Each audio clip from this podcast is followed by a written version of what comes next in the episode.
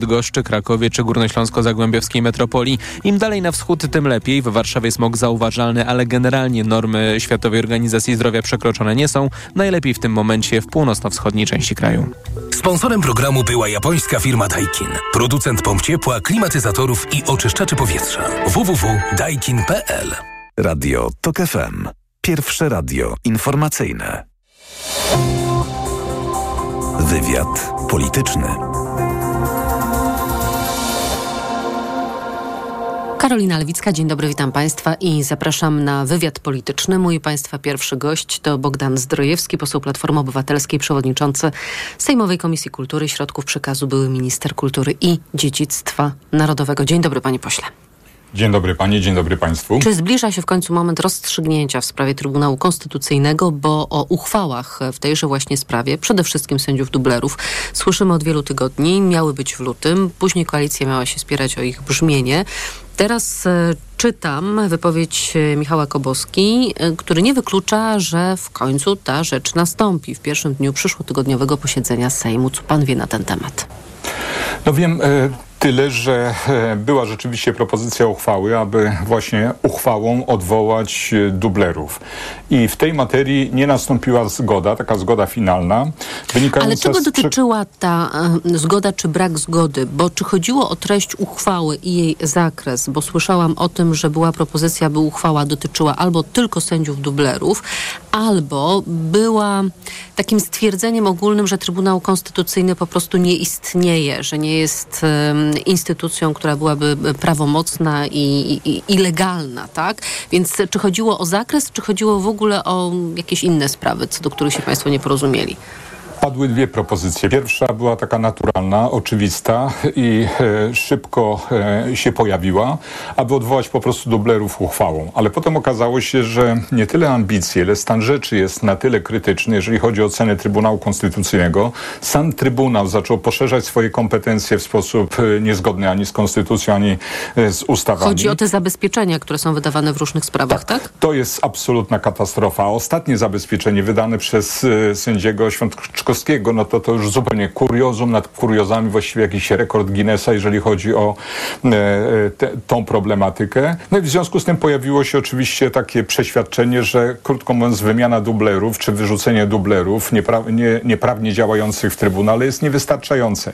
No i wtedy zaczęły się schody, bo oczywiście e, każde, każda formacja ma troszeczkę inne priorytety, jeżeli chodzi o nie tylko przymiotniki używane w takich uchwałach, ale także ko kolejność rozpatrywania rozpatrywania poszczególnych spraw, a zwłaszcza skutków. Panie pośle, powiem, to zanim jeszcze o tym... Natomiast o jednej rzeczy, tak finalnie, mhm. że zgoda jest y, w dwóch kwestiach. Po pierwsze, że Trybunał Konstytucyjny to jest, y, no, krótko mówiąc, instytucja konstytucyjna, która działa niezgodnie z konstytucją i de facto w jakimś sensie nie powinna być uwzględniana w rozmaitych aktywnościach Sejmu, Senatu czy też rządu, ale z drugiej strony, że droga do uporządkowania kwestii związanych z Trybunałem wiedzie jednak przez prezydenta i w związku z tym tu mamy tą najważniejszą, najistotniejszą zagwozdkę. No i to jest bardzo też e, ciekawy, kluczowy wątek. Nie tylko dlatego, że pan prezydent musiałby się zgodzić e, na przykład na jakieś działanie ustawowe, ale też dlatego, że ponoć pojawiła się taka trwoga w szeregach koalicji rządzącej, że gdybyście Państwo próbowali odwołać uchwałami sejmowymi bądź uchwałą sędziów dublerów i rozwiązać ten jeden z wielu problemów Trybunału Konstytucyjnego, bo także prezesura Julii Przyłębskiej jest wątpliwa, bo także obecność sędziów Pawłowicz czy Piotrowicza jest e, wątpliwa w Trybunale Konstytucyjnym, tak, czy te rozszerzanie kompetencji Trybunału Konstytucyjnego, to pan prezydent mógłby te uchwały zaakceptować, co by sprawiło, że państwo mm, musieliby uznać Trybunał Konstytucyjny bez tych sędziów dublerów. A przecież on bez tych sędziów dublerów nie byłby o wiele lepszy niż z nimi. Ma Pani rację i mogę tylko powiedzieć, że nic dodać, nic ująć. Rzeczywiście taki dylemat też się pojawił. Proszę zwrócić uwagę, że podobnie sytuacja wygląda z Radą Mediów Narodowych. No można bez problemu odwołać de facto przewodniczącego, bo on naruszył w pewnym momencie kryteria tam swojej obecności, kryteria zawodowe, ale to de facto niewiele zmienia. To paraliżuje organ, a jak jest sparaliżowany, albo byśmy odwołali tych, którzy zostali powołani przez Sejm, zostawiając tylko prezydenckich, no to oczywiście kompetencje wracają do Krajowej Rady Radiofonii i Telewizji, co jest zgodne z konstytucją, ale z kolei Krajowa Rada e, e, Telewizji, Radia nie spełnia rozmaitych e, e oczekiwań no, standardów. Chodzi o jej skład, tak na czele z przewodniczącym Świrskim. Ale, ale nie tylko. Chodzi także o zachowania i poszczególne decyzje. No, ostatnia decyzja o zablokowaniu e, środków z abonamentu dla Polskiego Radia i Polskiej Telewizji, telewizji publicznej jest e, niezgodna z prawem to jak rozumiem stanęło na tym, że ta uchwała będzie stwierdzała, że Trybunał Konstytucyjny de facto w polskim porządku prawnym już nie istnieje jako instytucja i że nikt się na Trybunał Konstytucyjny oglądać już nie musi. To nie jest takie proste, bo bez względu na to, co my stwierdzimy w uchwale, że Trybunał Konstytucyjny nie istnieje, to on istnieje. Natomiast oczywiście nie wypełnia tych zadań, które są wpisane w Konstytucję. Wykracza poza te zadania, a jego skład nie tylko budzi wątpliwości, ale jest niezgodny, jeżeli chodzi o tryb wybierania poszczególnych członków z e, procedurami, które powinny obowiązywać. Na to składa się natomiast jeszcze jedna ważniejsza rzecz, o której najmniej się mówi. Ale trzeba pamiętać, że Trybunał podjął swojej e, ostatniej aktywności tych kilku lat e, sporo rozmaitych decyzji, w których brali udział nieprawomocnie funkcjonujący funkcjonujący w Trybunale sędziowie. No i z nimi też jest kłopot. Mhm. E, czyli co zrobić z tymi orzeczeniami? No z, jednej strony ci, którzy są najbardziej cierpliwi, mówią, musimy poczekać, aż e, prezydent będzie e, taki, który będzie respektował zasady konstytucji i literalne zapisy. Ci mniej cierpliwi mówią, e, róbmy po kolei, czyli najpierw odwołajmy dublerów, doprowadźmy do tego, aby przewodnicząca e, Trybunału Konstytucyjnego przestała pełnić swoją funkcję, bo nie powinna tej funkcji pełnić. E, przy tej okazji możemy wypowiedzieć Właściwie Julia pogląd. Przyłębska tej funkcji nie pełni już od grudnia 2022 roku, Dokładnie jeżeli tak. patrzymy na grunt prawa. Tak, tylko ona o tym nie wie. Tak, to jest problem, niewątpliwie. A te uchwały będą w końcu w przyszłym tygodniu, czy ich nie będzie? Wszystko wskazuje na to, że będą, przynajmniej taka jest zapowiedź dość zgodna liderów, y, więc wydaje mi się, że już powinny się pojawić. A w ogóle liderzy to dzisiaj się spotkali w Sejmie na ponoć y, takim normalnym spotkaniu liderów, jak mówił Władysław Kośniak-Kamysz, czyli rozumiem rozmowa rutynowa. Niemniej jednak dziwne było to, że jakoś y, poza Włodzimierzem Czarzastym wszyscy byli mało rozmowni. Skąd ta Włodzimierz... tajemniczość? To nie żadna tajemniczość, ani żadna e, dysnorma. E, akurat e, szef Nowej Lewicy jest zawsze bardziej rozmowny. E, natomiast to niczego nie oznacza, nie wyciągam z tego zbyt wielu wniosków. To chciałabym zapytać o tę uchwałę kolejną, tym razem nie dotyczącą Trybunału Konstytucyjnego, ale dotyczącą embarga na rosyjską, białoruską żywność. O tym już wczoraj, wczoraj mówił na konferencji Donald Tusk, mm, że, że może właśnie warto iść mm, tym tropem. Na jakim to jest etapie według pańskiej wiedzy, panie pośle? No, trwają jeszcze negocjacje, one wczoraj się nie zakończyły. Ja z uwagą, pomimo tego, że tematy rolnicze są mi bardziej odległe, Słuchałem wypowiedzi zarówno e, premiera Donalda Tuska, jak i również poszczególnych reprezentantów środowisk e, reprezentujących szeroko rozumianą wieś. I muszę powiedzieć, że e, jestem bardzo oczywiście zaniepokojony stanem rzeczy, bo te zaległości wynikające z braku określonych aktywności, po pierwsze komisarza pana Wojciechowskiego, jak i również rządu PiS w materii rolnictwa, są na tyle poważne, że skutkują nie tylko na rok, który za nami, na rok, który jest w chwili obecnej, ale także na przyszły. Rolnicy słusznie zwracają uwagę, że wypełnienie spichlerzy zbożem z Ukrainy, w tym także e, technicznym, powoduje, że ten kłopot jest e, przesunięty. Ale zwrócę uwagę na jedną ważną rzecz, która z kolei mnie już bardzo interesuje. Otóż przyjrzałem się protestom rolniczym e, w kilku państwach europejskich i muszę powiedzieć, że one mają tylko jeden, ale bardzo istotny wspólny mianownik.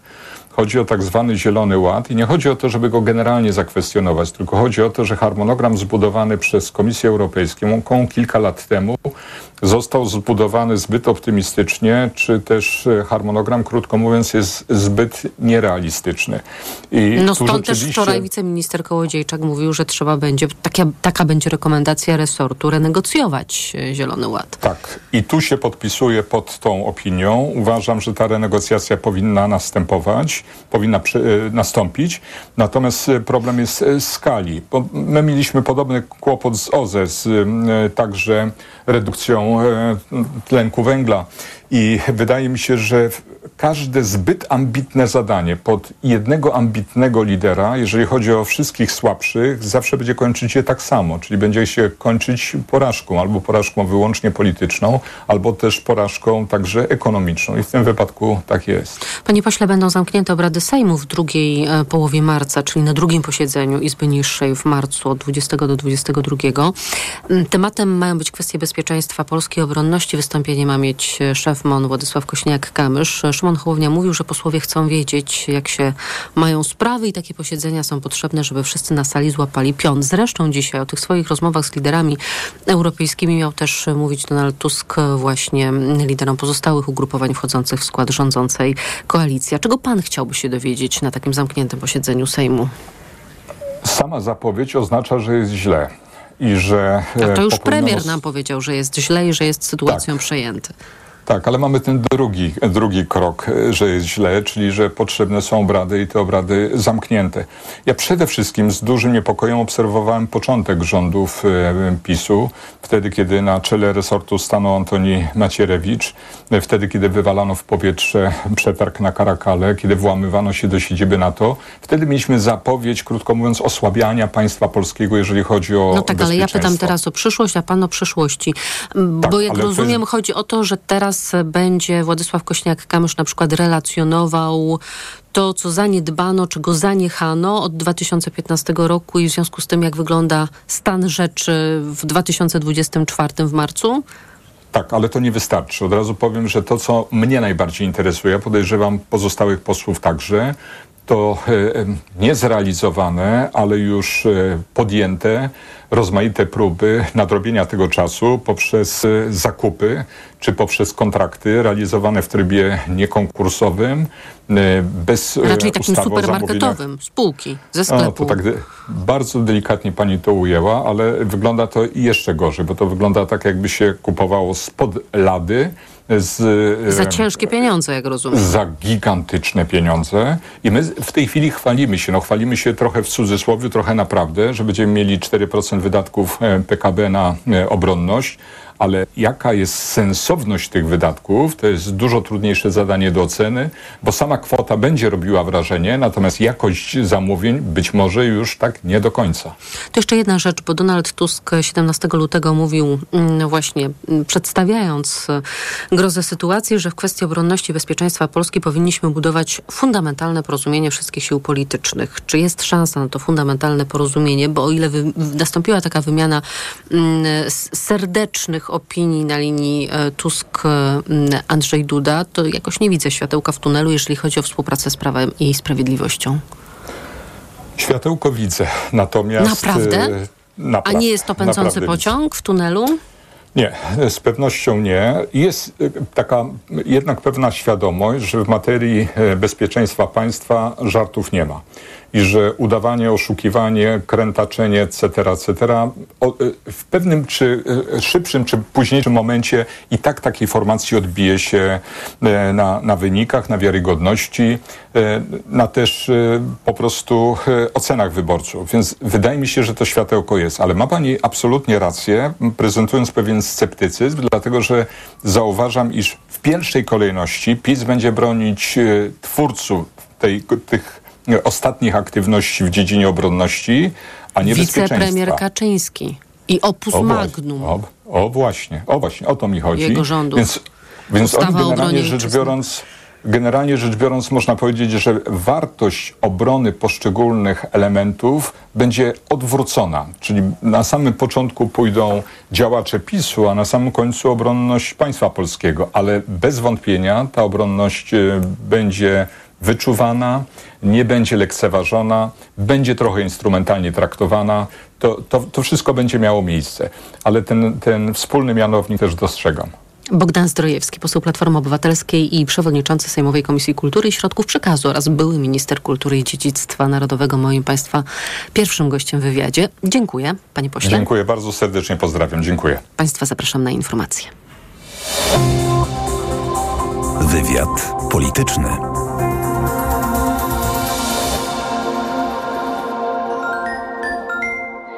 Koniec dnia to idealny moment na chwilę zastanowienia nad nami, światem, historią. Zwolnij, weź oddech i posłuchaj o wszystkim, co ważne. Maciej Zakrocki przedstawia. Od poniedziałku do piątku po 23. Do usłyszenia. Reklama. Let's go! Tylko do 11 marca w MediaMarkt. Produkty marki LG w zestawie. Taniej aż o 20% ceny tańszego produktu. Łącz dowolnie dwa produkty i wybieraj sprzęt. Szczegóły w regulaminie. MediaMarkt. Dziś na wyborcza.pl. Czy leki psychiatryczne są nadmiarowo przepisywane przez lekarzy? Czy część pacjentów przyjmuje je niepotrzebnie? Z psychiatrą rozmawia Agnieszka Jucewicz. Czytaj dziś na wyborcza.pl.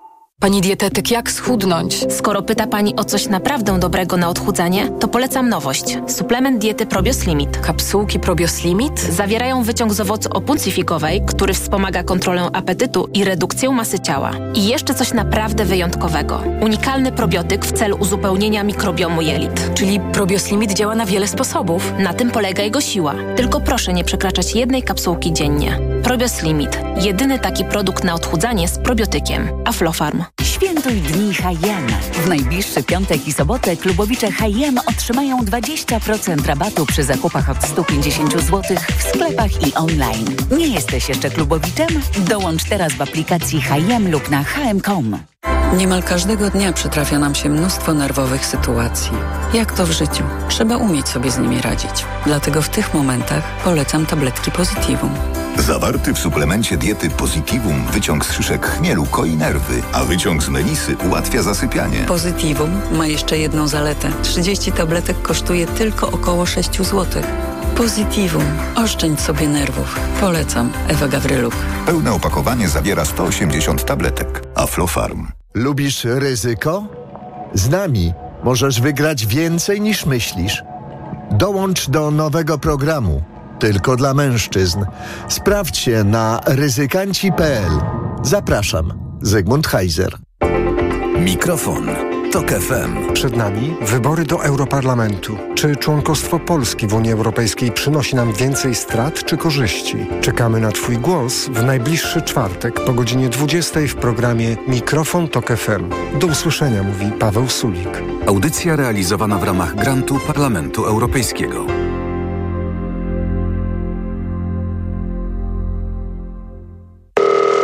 Mariolka, miałam ci dać cynk, jak będą super promocje w Media Expert. To teraz słuchaj. Do poniedziałku mają weekend mega rabatów. Super produkty w super niskich cenach. No mówię ci. Uczucie pełności, przelewanie w brzuchu.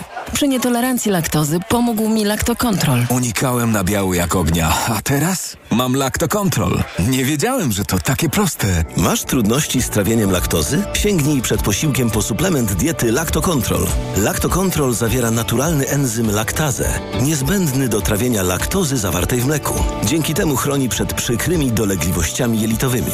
Laktokontrol i produkty mleczne mogą być bezpieczne. Zdrowit. Reklama. Radio TOK FM. Pierwsze radio informacyjne. Informacje TOK FM. 17.20 Filip Kakusz, zapraszam. Co najmniej dwie osoby zostały zatrzymane w Moskwie podczas pogrzebu Aleksja Nawalnego. Kolejnych zwolenników opozycjonisty zatrzymano w Jekaterynburgu i Nowosybirsku, podaje telewizja BBC, powołując się na rosyjskie media niezależne. Według projektu OWD Info 22 osoby zatrzymano, gdy wychodziły z domu, udając się na pogrzeb. Rosyjski opozycjonista został pochowany na cmentarzu borisowskim w Moskwie. Wcześniej odbyło się krótkie nabożeństwo żałobne. Pod świątynią zebrały się tysiące Rosjan. Okolice zabezpieczała policja.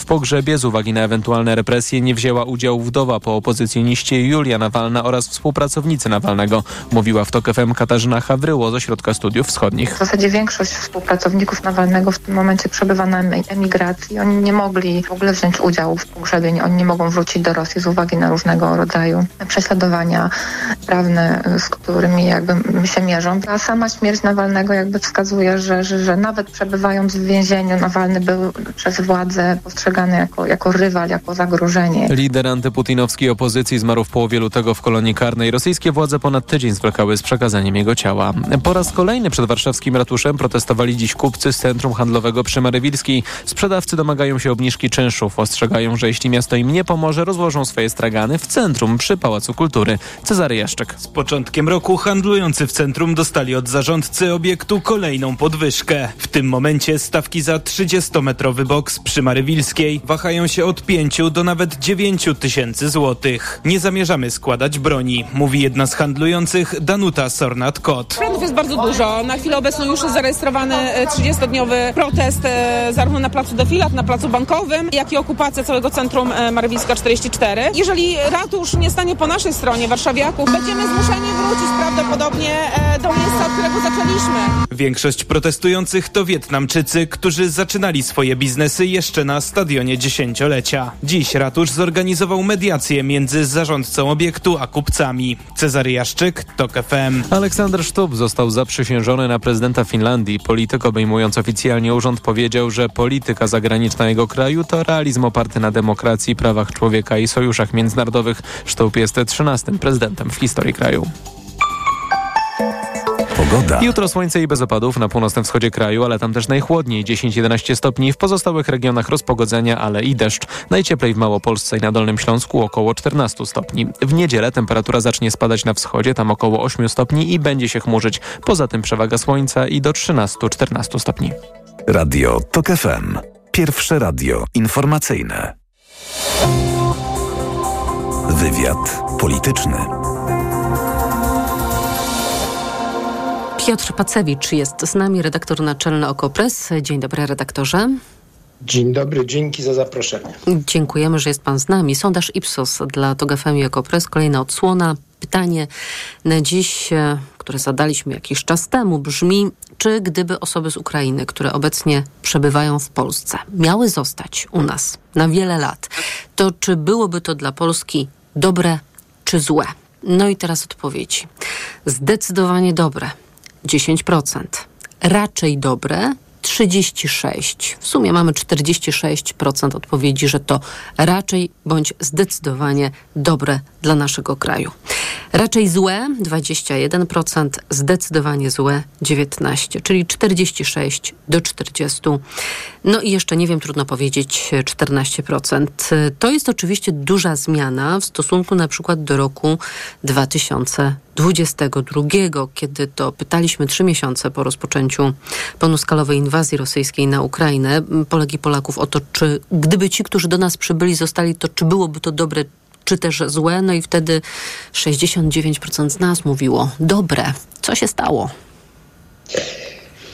To jest tak, że my szósty raz zadajemy to pytanie i właściwie przez cały 2022 rok utrzymywał się, utrzymywała się taka wyraźna przewaga dwóch trzecich mniej więcej opinii, że to byłoby dobre.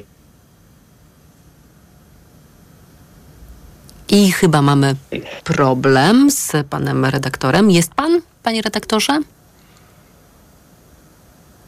Nie słyszymy się. To w takim razie, zanim odzyskamy tę łączność z redaktorem Pacewiczem, to ja panu, państwu podam mm, konkretne dane. W maju 2022 roku 67% Polek i Polaków uważało, że byłoby dla Polski dobrze, gdyby osoby z Ukrainy, które obecnie u nas przebywają, miały zostać na wiele lat, a tylko 24%, że byłoby źle. I taki stan życzliwości utrzymywał się m.in. jeszcze jesienią 2022 roku. To jest też o tyle interesujące ta zmiana, że teraz mniej osób uważa, że byłoby to dobre rozwiązanie dla nas, dla Polski, gdyby Ukraińcy u nas zostali, że przecież poprawność polityczna raczej skłania ludzi do ukrywania niechęci wobec innych. Redaktor Pacewicz jest z nami, więc tak. proszę kontynuować. Tak, no faktycznie zapewne te prawdziwe postawy są jeszcze gorsze. I zapewne w tych prawdziwych postawach jest już pewnie przewaga negatywnych, negatywnych reakcji nad pozytywnymi. No, natomiast tutaj po prostu po pierwsze jest tak, że, że nasze zachowania, nasze działania wobec Ukraińców, Ukrainek się zmieniły, prawda?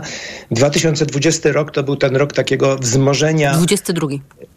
22, takiego wielkiego wzmożenia i, i wielkiej mobilizacji polskiego społeczeństwa, e, żeby pomagać. Mm, I e, no, wbrew temu, co się czasem uważa, że tylko postawy wpływają na zachowania, to jest też tak i jest na to wiele ciekawych badań, że także zachowania wpływają na postawy. A więc to tworzyło taką pewną całość takiego, no powiedziałbym, solidarnościowego entuzjazmu. Mhm, czyli takie sprzężenie zwrotne, które zaowocowało tak. tą empatią i solidarnością. Mhm. Tak. No, drugi wątek to jest na pewno wątek zmęczenia tematem wojny. Ja wiem, że to okropnie brzmi, kiedy ja mówię o zmęczeniu wojną w Polsce. E, i Ukraińcy, którzy, Ukrainki, które to słyszą, no, muszą się źle z tym czuć, ale taki, taki jest też fakt, że ponieważ rośnie to generalnie poczucie takiego globalnego zagrożenia, w związku z tym ta obecność e, tutaj osób z Ukrainy staje się takim przypomnieniem tego, jak jest groźnie, prawda? No a wreszcie trzeci czynnik, który na pewno tutaj odgrywa ogromną rolę, to są te nieszczęsne, ja nie boję się tego słowa, nieszczęsne protesty rolników, których jednym z istotnych komponentów jest po prostu otwarcie antyukraiński wątek. Pojawiają się te okropne transparenty typu tu jest Polska, a nie Ukropol, prawda? Już nie mówiąc o tym, co mhm. pewien y, zamożny farmer wiózł na swoim traktorze z wezwaniem do Putina, żeby zrobił porządek. Więc to wszystko razem po prostu tworzy taką złą aurę. E, no i, i, i jakoś temu ulegamy. Oczywiście najbardziej ulegają wyborcy Konfederacji, którzy po prostu jak jeden mąż E, są przeciwko Ukraińcom. I... Bo generalnie to mężczyźni w dwóch trzecich, e, jeżeli tak. chodzi o zwolenników Konfederacji. 80% z nich uważa, że ukraińska obecność w Polsce szkodzi. Tylko 17%, że jest dla Polski dobra, zdecydowanie dobra 4%. Ale jeszcze chciałabym o takie dwie grupy mm, zapytać. Kobiety i młodzi. To też już wychodziło, prawda, mm, w naszych badaniach. Jeżeli chodzi o e, aprobatę dla obecności uchodźców, tylko 37% kobiet w stosunku do 54% mężczyzn. Mm, no i w dodatku jeszcze młode kobiety, które są bardzo na nie w 60%. Młode znaczy między 18 a 39 rokiem życia. Tak, no, to jest zaskoczenie, bo te, z rozmaitych badań, także naszych, wiemy, że młode kobiety są szczególnie otwarte, szczególnie tolerancyjne. E, też najbardziej przypomnijmy, że to dzięki tym młodym kobietom e, wybory się tak potoczyły, jak się potoczyły, prawda? Są najbardziej prodemokratyczne. Tymczasem tutaj musi się pojawić jakiś czynnik jakiegoś postrzegania własnych interesów, tak mi się wydaje. Które są zagrożone tą obecnością, Które tak? są zagrożone, tak? I myślę, że to jest taka, taka mieszanka, to znaczy, że y, no, młode kobiety bardziej niż młodzi mężczyźni. Kiedy mówimy młode kobiety, to tutaj mamy na myśli kobiety do 40 roku życia, czyli młode kobiety. E, więc y, te kobiety są dużo bardziej związane z taką praktyką codziennego życia, także z dziećmi, wychowywaniem dzieci. I może się na przykład pojawiać takie poczucie, że, że te osoby z Ukrainy się pojawiają razem ze swoimi dziećmi w szkołach, że, że pojawiają się, nie wiem, w przychodniach, że pojawiają się w sklepach. To może budzić jakieś poczucie, że tu się pojawia jakieś zagrożenie. E, chociażby ono było absurdalne, bo przecież e, konsumentki e, ukraińskie kupują w polskich sklepach, co się opłaca, a także na co się mało zwraca uwagi, E, za chwilę polskie szkoły zostaną dotknięte dramatycznym kryzysem demograficznym, po prostu zabraknie uczniów i te kilka procent, dokładnie siedem w tej chwili, jakie stanowią e, dzieci z Ukrainy, potencjalnie gdyby wszystkie poszły do polskich szkół, to może być ratunek dla po prostu nauczycieli. No, ale jest jeszcze jeden czynnik, o którym tak powiem z takim pewnym wahaniem, to znaczy ten, nazwijmy to taki rynek matrymonialny, którym tutaj może młode kobiety mogą się trochę poczuć zagrożone. No bo z danych, które mamy, te gusowskie dane są z 2022 roku najświeższe, wynika, że jednak cztery razy więcej Polaków żeni się z Ukrainkami niż Polek żeni się z Ukraińcami. Czyli tutaj się może pojawiać jakieś poczucie konkurencji, że y, te osoby z Ukrainy to są w y, znacznej części dzieci, a w trzech czwartych wśród dorosłych to są kobiety. To są bardzo często młode kobiety, które chociaż też i starsze są, y, które tutaj przyjeżdżają po prostu i no, są samotne, bo mężowie walczą. Więc tu się może pojawić jakiś taki rodzaj nieprzyjemnego niepokoju co zresztą dodam ostatnie zdanie w tej sprawie, że jest taka ogólna prawidłowość, że kobiety wędrują z krajów biedniejszych do krajów zamożniejszych, yy, czyli Polki wędrują do, yy, do Niemiec, a Ukrainki do Polski. Tak po prostu jest, że, tak, że taki transfer w cudzysłowie kobiet następuje. Mhm. A skąd ta niechęć wśród ludzi młodszych? Bo sam pan zadaje pytanie, czy młodzi mogą się na przykład obawiać o swoje miejsca pracy, ale że jest to ewentualnie strach bezpodstawny, bo, bo Ukrainki i Ukraińcy wykonują prace, których y, nikt inny nie chce wykonywać. No więc dlaczego młodzi znowu, którzy powinni być bardziej otwarci, tolerancyjni, pozbawieni uprzedzeń, poglądach liberalno-lewicowych, z wyjątkiem wyborców Konfederacji Młodych Mężczyzn, niektórych, y, no to skąd ta niechęć? No, ja myślę, że to jest, y, że tu może się pojawiać taki czynnik doświadczenia generacyjnego, prawda? To znaczy osoby młode, kiedy my mówimy, dzielimy tak wielkimi, że tak powiem, na, na dwie wielkie grupy, społeczeństwo do lat 50 i powyżej lat 50, no to generalnie jest tak, że jedna trzecia tych młodszych niż 50 lat i prawie dwie trzecie tych starszych E, jest zadowolonych, czy cieszy się z obecności Ukraińców, Ukrainek. E, poza tym, że pewnie te osoby starsze, starsze, starsze, to gdzieś liczą też i słusznie na to, że prace opiekuńcze są często wykonywane przez osoby z Ukrainy, no to dochodzi do tego jeszcze taki czynnik taki właśnie doświadczenia generacyjnego. To znaczy osoby powyżej pięćdziesiątki to są osoby, które świadomie jako takie duże kilkunastoletnie osoby E, doświadczyły jeszcze komunizmu, prawda? Pamiętają tamte czasy i myślę, że my starsi, no, oczywiście ja się również zaliczam do tej grupy, mamy taką, mamy gdzieś zakodowany lęk przed Rosją. E, lęk przed tym groźnym rosyjskim, radzieckim, a potem rosyjskim imperializmem i że my w, tych, w tym kontekście takim bardziej patetycznym, dramatycznym widzimy wojnę w Ukrainie i zresztą inne sondaże i ten nasz sondaż, o których jeszcze będziemy mówili, pokazuje, że lęk przed wojną również wśród tych młodszych ludzi jest mniejszy.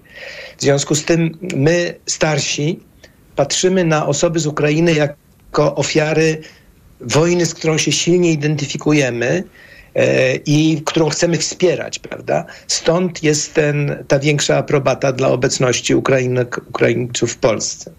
To jeszcze ostatni wątek, o którym troszeczkę już powiedzieliśmy, czyli jak to wygląda, jeżeli spojrzymy na preferencje partyjne.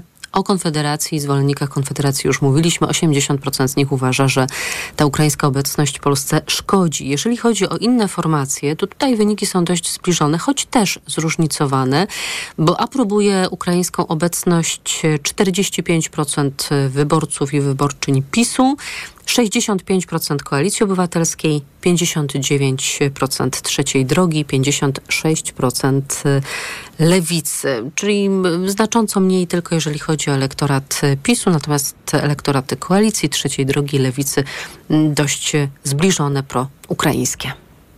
Ja lubię te nasze podziały, kiedy my pytamy ludzi o to, jak głosowali w wyborach 2020 roku. Czyli prezydenckie wybory, Polska prawicowa, elektorat Dudy, liberalno-lewicowa tak. Trzaskowskiego. Tak. Hmm? I wtedy okazuje się, że ta Polska rzeczywiście, która wtedy pokazała, no wtedy ta Polska, nazwijmy to prawicowa, jednak tam o włos wygrała. W tej chwili to się troszeczkę przesunęło, ale generalnie e, te dwie Polski, no to ta pierwsza, czyli Polska Dudy jednak jest zamknięta. I tutaj wśród tych ludzi, którzy deklarują, że wtedy głosowali na, na Dudę, e, no trochę ponad jedna trzecia e, cieszy się z obecności Ukraińców i widzi w tym pożytek dla kraju, a w e, wyborców Trzaskowskiego to jest dwie trzecie. I odwrotnie, jeśli chodzi o postawy negatywne, tu jest połowa po stronie prawicy i 25%, jedna czwarta po stronie, e, po stronie tej Polski liberalno-lewicowej, powiedzmy, w którą wszyscy wierzymy i którą, na którą mamy nadzieję, a dla której koniunktura niestety w tej chwili też międzynarodowa się będzie, i to widać w całej Europie, będzie się niestety pogarszać. No chodzi o to, żebyśmy nie poddali się jako społeczeństwo takiej właśnie presji y, radykalnych ruchów prawicowych, a także takiej, powiedziałbym, mm, taktycznej gry partii na przykład chadeckich, które w tej chwili no, zapominają trochę o tych marzeniach o Europie ekologicznej, też wobec Ukrainy Mhm. zaczynają. I przejmują trochę- te wątki populistyczne, radykalne, tak, prawda? populistyczne, żebyśmy się temu nie poddali, dlatego że jeżeli my mamy całkiem w Polsce niestety fatalne tradycje haseł typu Polska dla Polaków, prawda? I Mhm. tutaj Federacja bardzo na tym jedzie w tej chwili, E, no ale no, powinno być naszym zadaniem, żeby to widzieć w, po pierwsze w kategoriach realistycznych, to znaczy tego ani nie ma zagrożenia rynku pracy, ani nie ma zagrożenia e, rynku edukacyjnego, wręcz odwrotnie, to jest wszystko szansa dla Polski i dla, dla nas wszystkich, obecność Ukraińców. E, No a zakształtowanie nastrojów, powiedzmy na koniec, bo już musimy kończyć, są też odpowiedzialne elity polityczne, więc e, to też e, powinno spływać na nas e, z góry, a nie tylko mm, elity powinny dyskontować te pogarszające się nastroje, prawda? I dostosowywać swoje działania do No, sondażowych słupków. na czele państwa człowieka, który był prezydentem Europy i to powinno e, zobowiązywać Donalda Tuska do takiej odważnej narracji i mówienia prawdy Pol, Polsko, Polkom i Polakom na temat tego, jak na przykład jest rzeczywiście naprawdę z tym ukraińskim zbożem.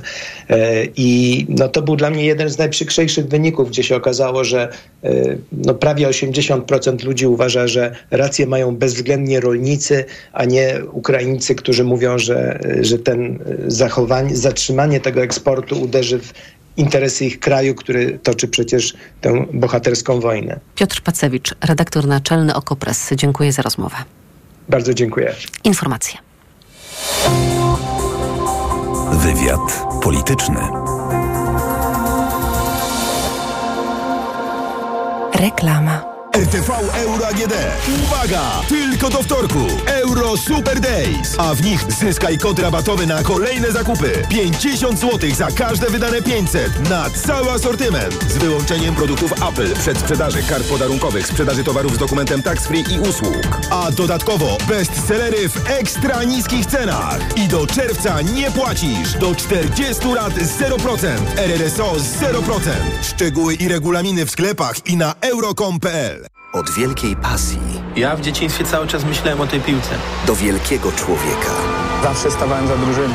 Nieznana dotąd historia Kuby Błaszczykowskiego. Oglądaj nowy film Kuba na Prime Video.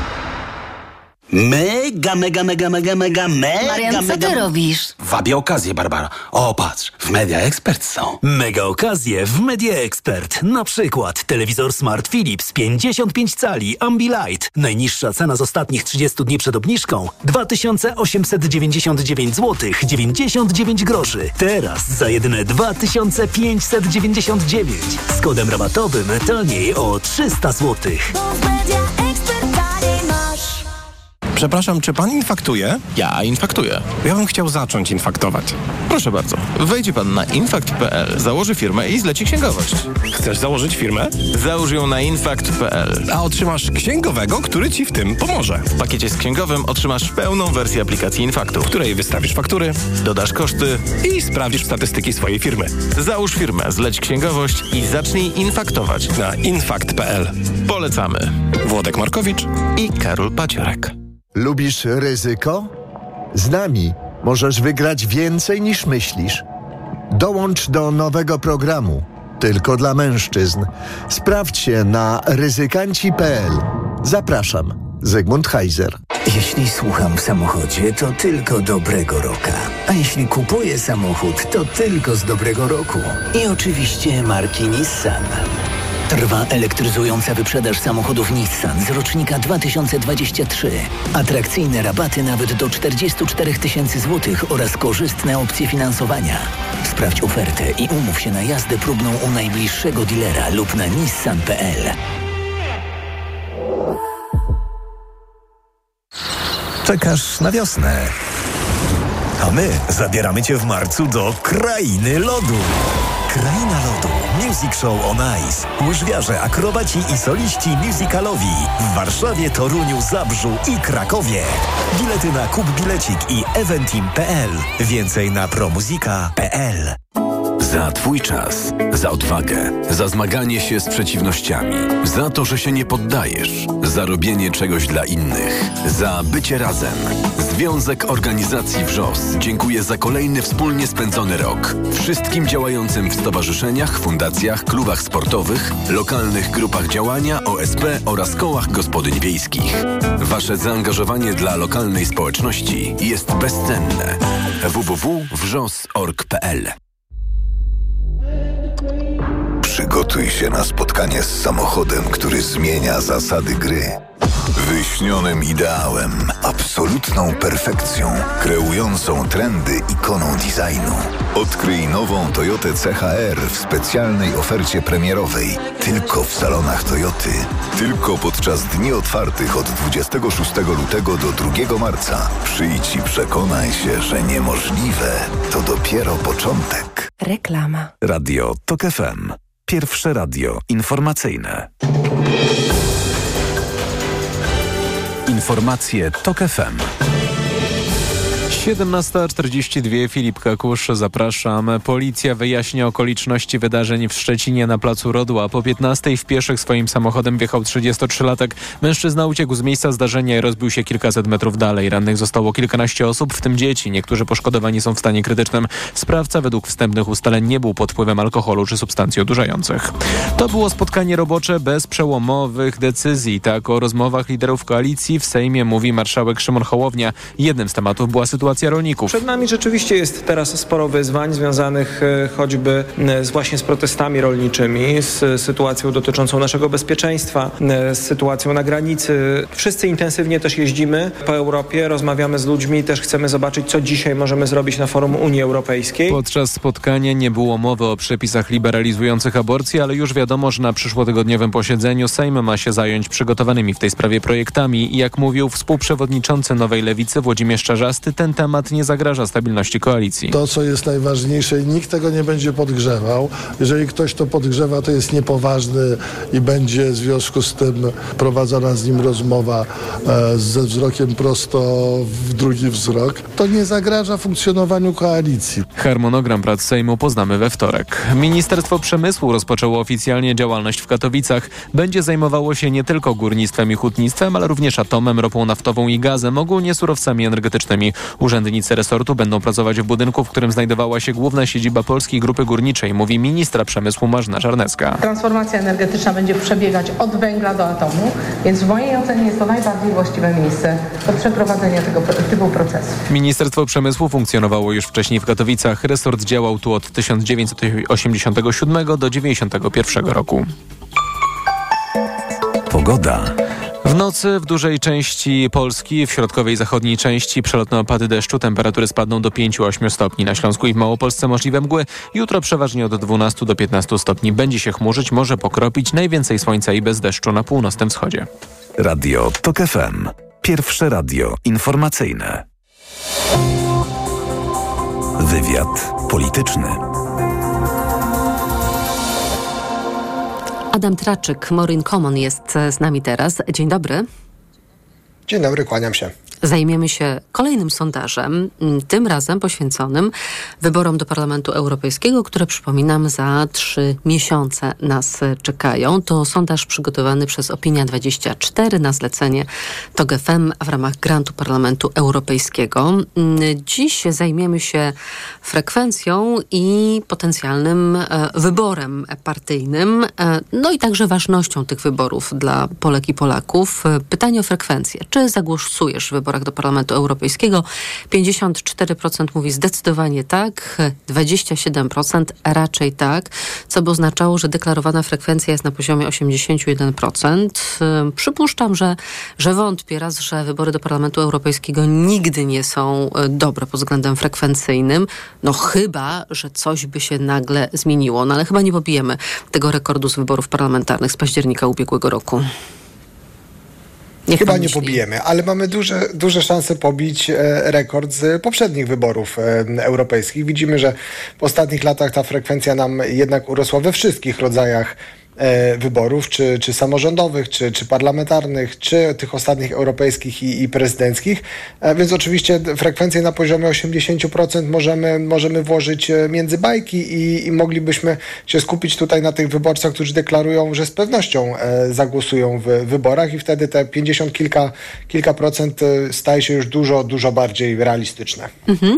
A czy to nie jest tak, że być może ze względu chociażby na e, sytuację dookolną, e, te wybory do Parlamentu Europejskiego staną się dla nas istotniejsze, bo kolejne pytanie, które zadaliśmy, to właśnie pytanie o to, czy te wybory są dla nas ważne.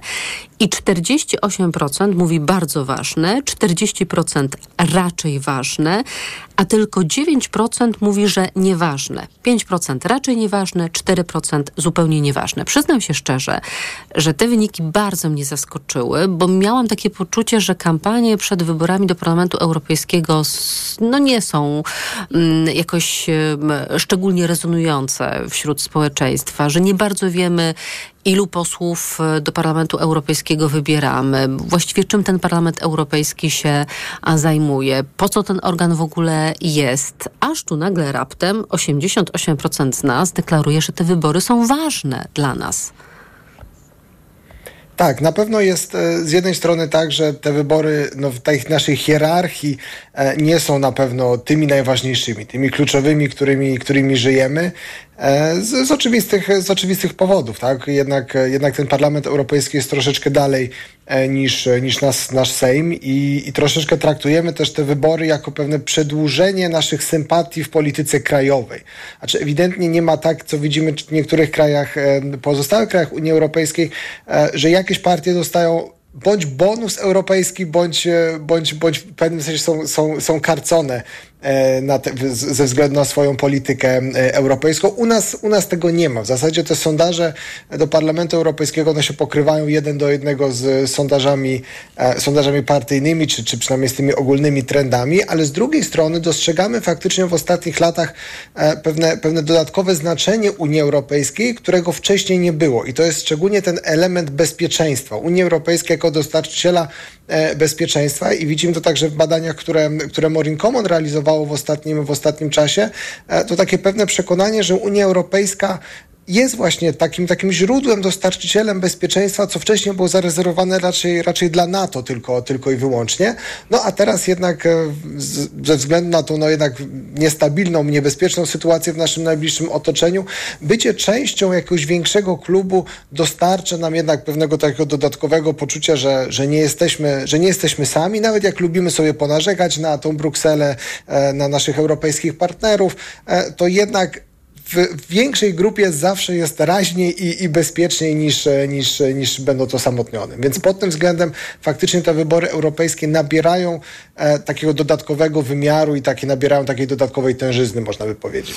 To teraz trzecia rzecz, czyli preferencje partyjne. Od razu zrobię takie zastrzeżenie, że uwzględnialiśmy preferencje partyjne tych, którzy powiedzieli, pytanie o to, czy zagłosują w wyborach, że zdecydowanie tak. Czyli oparliśmy się na tej frekwencji na poziomie 54%. Mm, Nie zakładaliśmy, że ona doszlusuje do 81%. W 2019 ta frekwencja w wyborach do Parlamentu Europejskiego była na poziomie niespełna, niespełna 46%, więc faktycznie jest szansa, że ona troszeczkę będzie wyższa w 2024. To teraz na kogo chcielibyśmy głosować? Na kandydatów którego ugrupowania? Koalicja Obywatelska 31%, PiS 22%, Trzecia Droga 11%, Nowa Lewica 11%, Konfederacja 10%, jakieś ugrupowanie Janusza Korwin-Mikkego 1%, inna 2%, nie wiem, mówi 11%. Pański komentarz? Widzimy przede wszystkim pewną demobilizację elektoratu Prawa i Sprawiedliwości, który, który gdzieś nam się e, rozpieszł. Być może w sprawach europejskich e, część dawnych wyborców PiSu sympatyzuje w tym momencie z, z bardziej wyrazistą e, jednak Konfederacją, z bardziej, e, no, z, z, bardziej krytyczną też wobec, wobec Unii Europejskiej, ale przede wszystkim bardziej, bardziej wyrazistą e, Konfederacją. No i widzimy utrzymanie się wysokiej mobilizacji wyborców wyborców koalicji rządzącej, to, to te trzy partie no, mają swoje, swoje momentum. E, widzimy jednak, że, że nastroje społeczne są po stronie e, rządzącej, rządzącej koalicji w, bora, w sondażach e, do, do Sejmu, w sondażach partyjnych, tych tradycyjnych także widzimy no, tą słynną, słynną mijankę, która się wreszcie zmaterializowała między, między koalicją obywatelską a, a Prawem i Sprawiedliwością. No i tutaj ona jest w tym sondażu do, do Parlamentu Europejskiego no jeszcze, jeszcze, jeszcze wyraźniejsza. No to jest wynik, którego, którego no dawno, dawno nie widzieliśmy. Znaczy, trzeba by się e, cofnąć o kilkanaście lat, żeby, e, żeby, żeby sobie przypomnieć takie, takie wyniki, ale to świadczy zapewne przede wszystkim o demobilizacji wyborców Prawa i Sprawiedliwości, pewnego zagubienia też e, tej partii, która no, w ostatnich tygodniach, no, można powiedzieć, nie była w najlepszej, najlepszej formie. Też ciągłe przekładanie konwencji programowej przez, przez Jarosława Kaczyńskiego, która miała się wpierw odbyć w styczniu, później w lutym, Kongres później w marcu. Sił Patriotycznych później... miał się odbyć w Ta- marcu, tak odbędzie I- się kongres przed wyborami właśnie do Parlamentu Europejskiego. Ten Kongres Sił Patriotycznych, bo oczywiście przecież Prawo i Sprawiedliwość będzie tutaj mm, walczyć z Unią Europejską, która nam zagraża. No właśnie to też pokazuje, że chyba poza tym, że partia czy, czy, czy ruch patriotyczny, jeżeli Jarosław Kaczyński chce używać takiego sformułowania, jest w lekkiej, nie powiedziałbym rozsypce, ale na pewno jakiejś dezorientacji i dezorganizacji w tym, w tym momencie. Ale to pokazuje także, że Jarosław Kaczyński dostrzega wagę wyborów europejskich także dla jego formacji. Być może e, traktuje te wybory europejskie jako jakiś taki sygnał też do, do pewnej no, redefinicji e, stanowiska Prawa i Sprawiedliwości, które oczywiście w ostatnich latach było krytyczne i widzimy to po, po, po badaniach e, najnowszych, że jemu się udało, czy świadomie bądź nieświadomie, e, przesunąć elektorat Prawa i Sprawiedliwości na, na pozycje bardziej eurosceptyczne niż jeszcze było to e, to kilka lat, e, lat temu, więc być może e, czeka tutaj nas znowu jakieś, jakieś mocniejsze szarpnięcie, e, szarpnięcie za cugle ze strony, ze strony Prawa i Sprawiedliwości właśnie po to, żeby też e, no, odzyskać tych wyborców, którzy być może odpłynęli e, odpłynęli e, do Konfederacji, ale także być może zarysować jakąś nową oś e, podziału, która no, byłaby już osią e, ewidentnie na linii e, sił proeuropejskich i, i antyeuropejskich. Dotychczas, e, mimo tego eurosceptycyzmu, który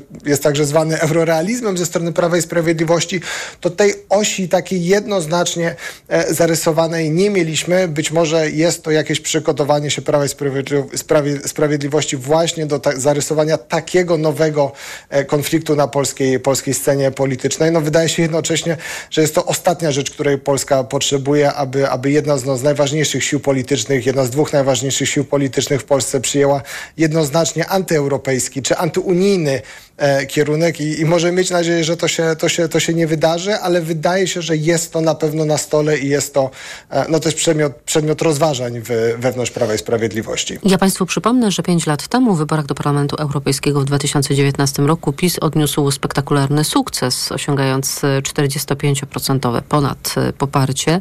Koalicja Europejska 38%, wiosna Roberta Biedronia 6%. Mówię, że spektakularny sukces, ponieważ e, przed wyborami w roku 2019 e, siły ówczesnej opozycji, Platforma, PSL, SLD, Nowoczesna, Zieloni, e, no, liczyli na to, że to nie jest sztandarowa konkurencja wyborcza Prawa i Sprawiedliwości i że uda się Prawo i Sprawiedliwość w 2019 roku przegonić. Nie udało się wówczas. Rzeczywiście PiS dostał wiatru żagle na także te jesienne wybory 2019 roku już do Parlamentu y, Krajowego. No, regres byłby znaczący i też bardzo bolesny dla obecnych europosłów Prawa i Sprawiedliwości i dla tych wszystkich, którzy chcieliby znaleźć spokojną przystań w Brukseli, bo chętnych nie brakuje, prawda?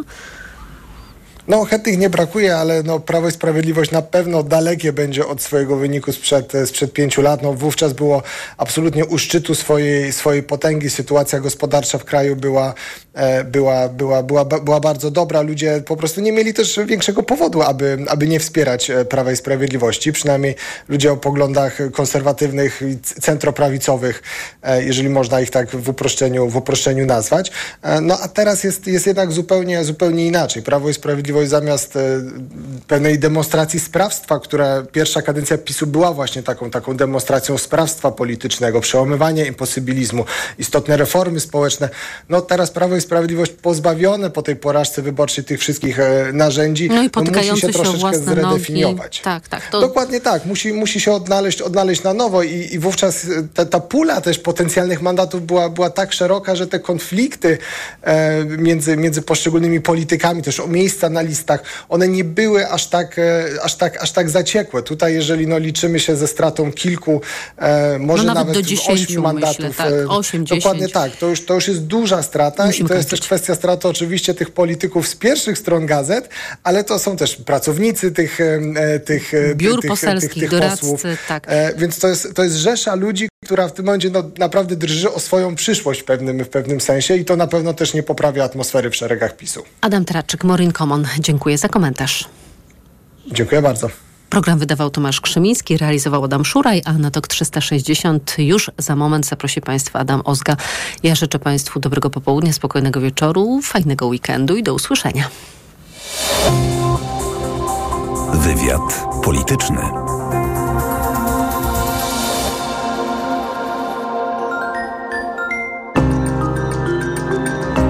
Wygląda dziś nowa wersja Homo sapiens, człowiek 2.0? Słuchaj w soboty po 14.20. Zaprasza Jan Stradowski.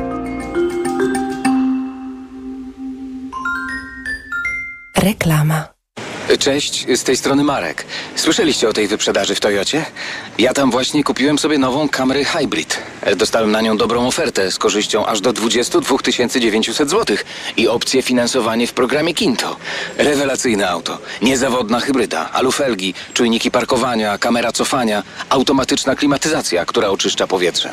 Do tego pakiet bezpieczeństwa Toyota Safety Sense, czyli m.in. inteligentny tempomat adaptacyjny. To wszystko na wyprzedaży w Toyocie. Jest ze mną kalatea. To wdzięczna roślina, ale i krucha. Trzeba o nią dbać. I podobnie jest z demokracją. Trzeba ją pielęgnować, chodząc na wybory czy angażując się w lokalne sprawy. Fundacja Batorego od lat pomaga dbać o to nasze wspólne dobro. Wspieraj z